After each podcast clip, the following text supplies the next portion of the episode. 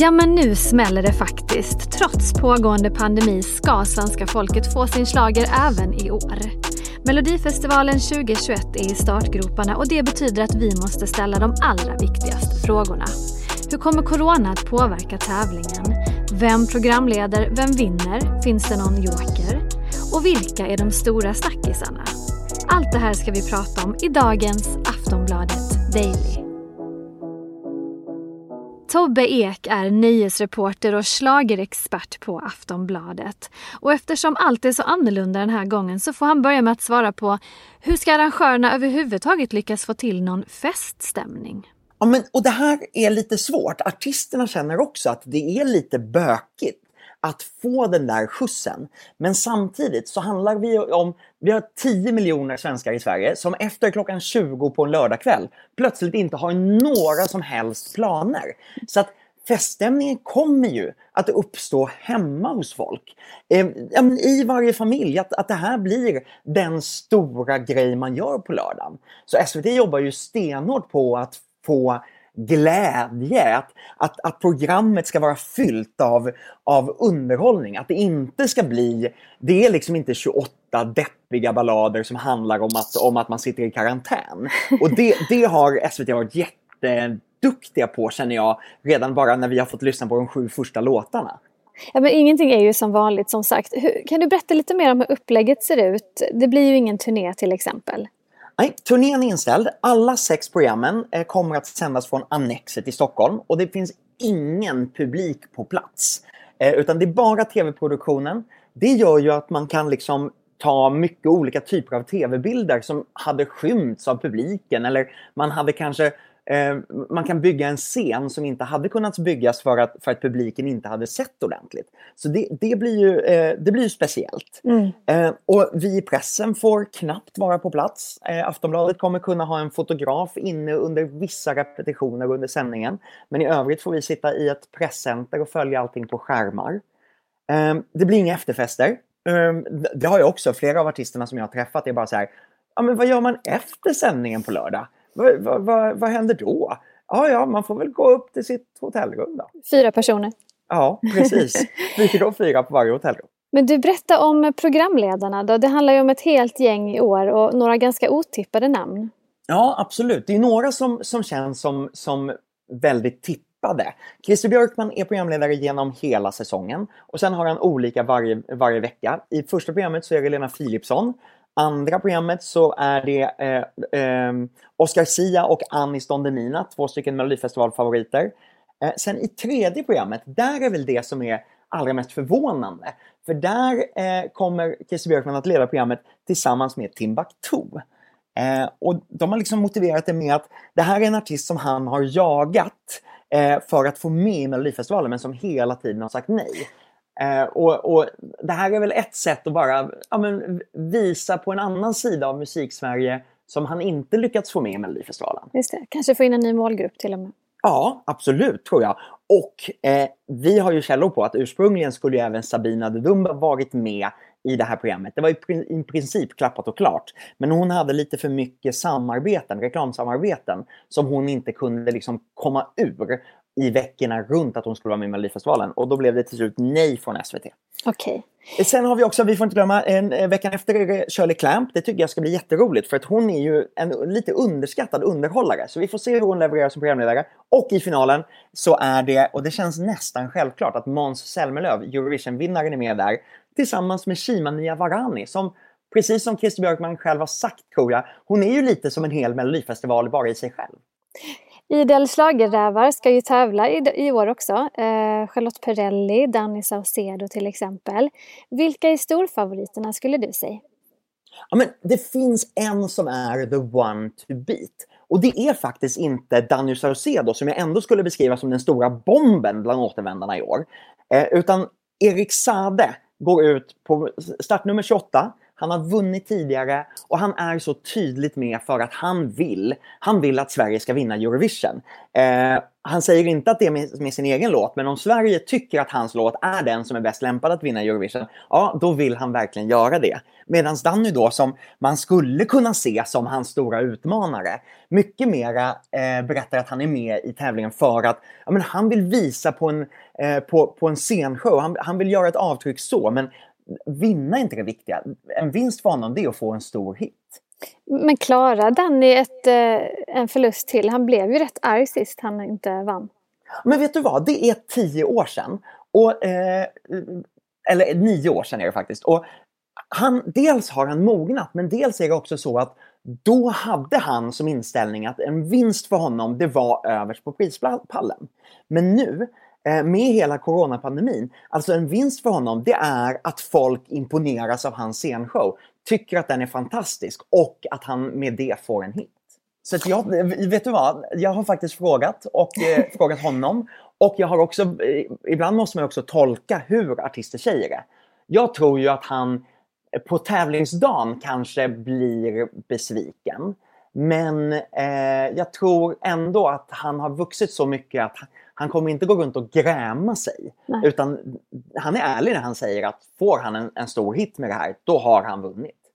Finns det några jokrar i leken då? Någon Gud, väldigt ja, otippad? Absolut! Och eh, här kan man bara se på hur oddsen förändrades direkt efter all, alla artister släpptes. Det vill säga var folk började spela. Och då pratar vi om folk såklart som kanske jobbar på skivbolag eller management och som har hört låtar. Och då skulle jag säga att eh, se upp för Tusse. Tusse som vann Idol eh, 2019. Eh, för där skedde direkt en förändring. Hans odds sjönk väldigt snabbt. Eh, och det snackas i kulisserna om honom. Och sen kan man ju verkligen inte räkna ut varken The Mamas eller Dotter som vann och kom tvåa förra året. Just det. Sist fick ju The Mamas stanna på hemmaplan efter sin vinst. Väldigt snöpligt. Det blev ju aldrig någon Eurovision-final på grund av pandemin. Hur ser det ut i år? Vad, vad har man tänkt eh, för planer där? EBU är jättetydliga med, EBU är Eurovision-arrangören, att det kommer att bli ett Eurovision. Och för det har man liksom målat upp fyra olika scenarier eh, där man fortfarande jobbar utifrån liksom, man är klar, på det klara med att det kommer inte kunna bli scenario 1, det som är eh, precis som vanligt. Man hoppas på att alla, eller de flesta artister ska kunna vara på plats i, i Rotterdam. Man jobbar för det, man vill ju få till den känslan. Men man har en, en total reservplan. Alla länder måste eh, på hemmaplan förinspela ett liveframträdande och skicka in det. Tre minuter så att eh, i värsta fall kan tävlingen gå till så att programledarna är på plats i Rotterdam och presenterar förinspelade liveframträdanden av varje artist. Och de här, det här låter lite så här, ja då kan man ju lägga på precis vad som helst och fuska och trixa och fixa. Mm. Men det finns väldigt tydliga regler för hur de här liveframträdandena ska, ska genomföras.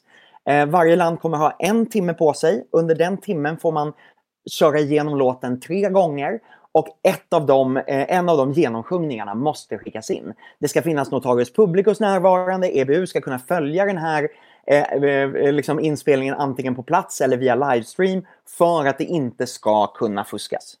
Men på tal om det här med reservplaner, alltså det är ju väldigt lätt hänt att det blir avhopp just på grund av Corona eller för att man uppvisar symptom eller förkylning och så vidare.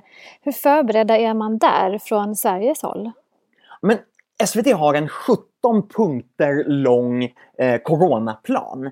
Eh, det är inte så att det står reservartister i kulisserna. Men om någon skulle eh, uppvisa symptom så att den inte kan vara med, eh, eh, liksom, eller missa repetitioner eller så, ja, men då, då får eh, då ska varje liksom, team ha förberett, ja, men är det någon i kören som kliver fram och liksom markerar för den här artisten? Har man lyckats genomföra en repetition men, men blir sjuk till lördagen, ja men då kan man sända, då, då, då kommer de, en repetition har varit inspelad så att man kan sända den. Och så får man ju då vara väldigt tydlig med att det ni nu kommer få se är en repetition.